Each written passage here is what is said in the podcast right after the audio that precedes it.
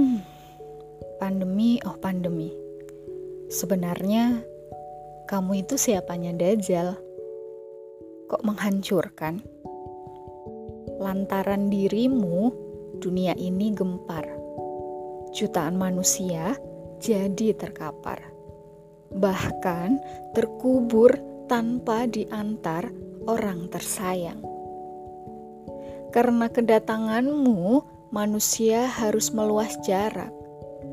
Padahal rindu sudah memuncak. Ah, kamu memang tidak berakhlak.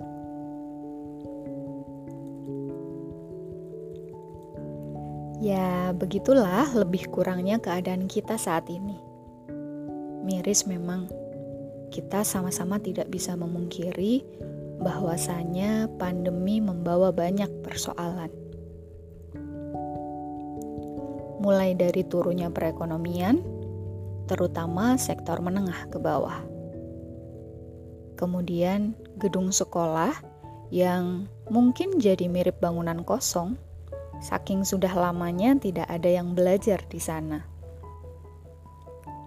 Beberapa orang juga jadi lupa bagaimana sih rasanya bekerja tanpa layar.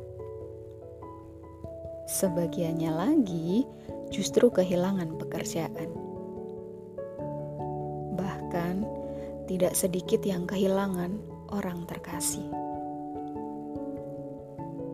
Oh iya, berdasarkan data Kementerian Kesehatan, selama masa pandemi COVID-19, jumlah kasus gangguan jiwa meningkat dengan signifikan.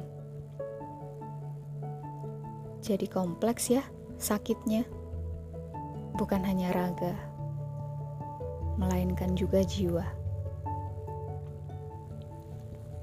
Tapi, teman-teman, dari sekian banyak duka tadi, sebenarnya ada beberapa hal yang bisa kita syukuri. Pertama, dengan adanya pandemi, kita ditampar untuk lebih mencintai diri sendiri. Harus selalu menjaga kesehatan. Kedua, kita juga diingatkan untuk menghargai orang-orang terdekat, sebab kita tidak tahu sampai kapan bisa bertemu. Ketiga, sebenarnya kita itu sedang diberi masa istirahat dari hingar-bingar dan menikmati waktu bersama keluarga. Terakhir, yang paling penting adalah kita jadi sadar kalau nafas dan sehat adalah nikmat Tuhan yang super mahal, tapi selama ini diabaikan. Jangan lupa berterima kasih pada Tuhan atas semua karunia. Berterima kasih pada sendiri sudah sangat hebat, bisa bertahan hingga detik ini. Terima kasih ya sudah mendengarkan.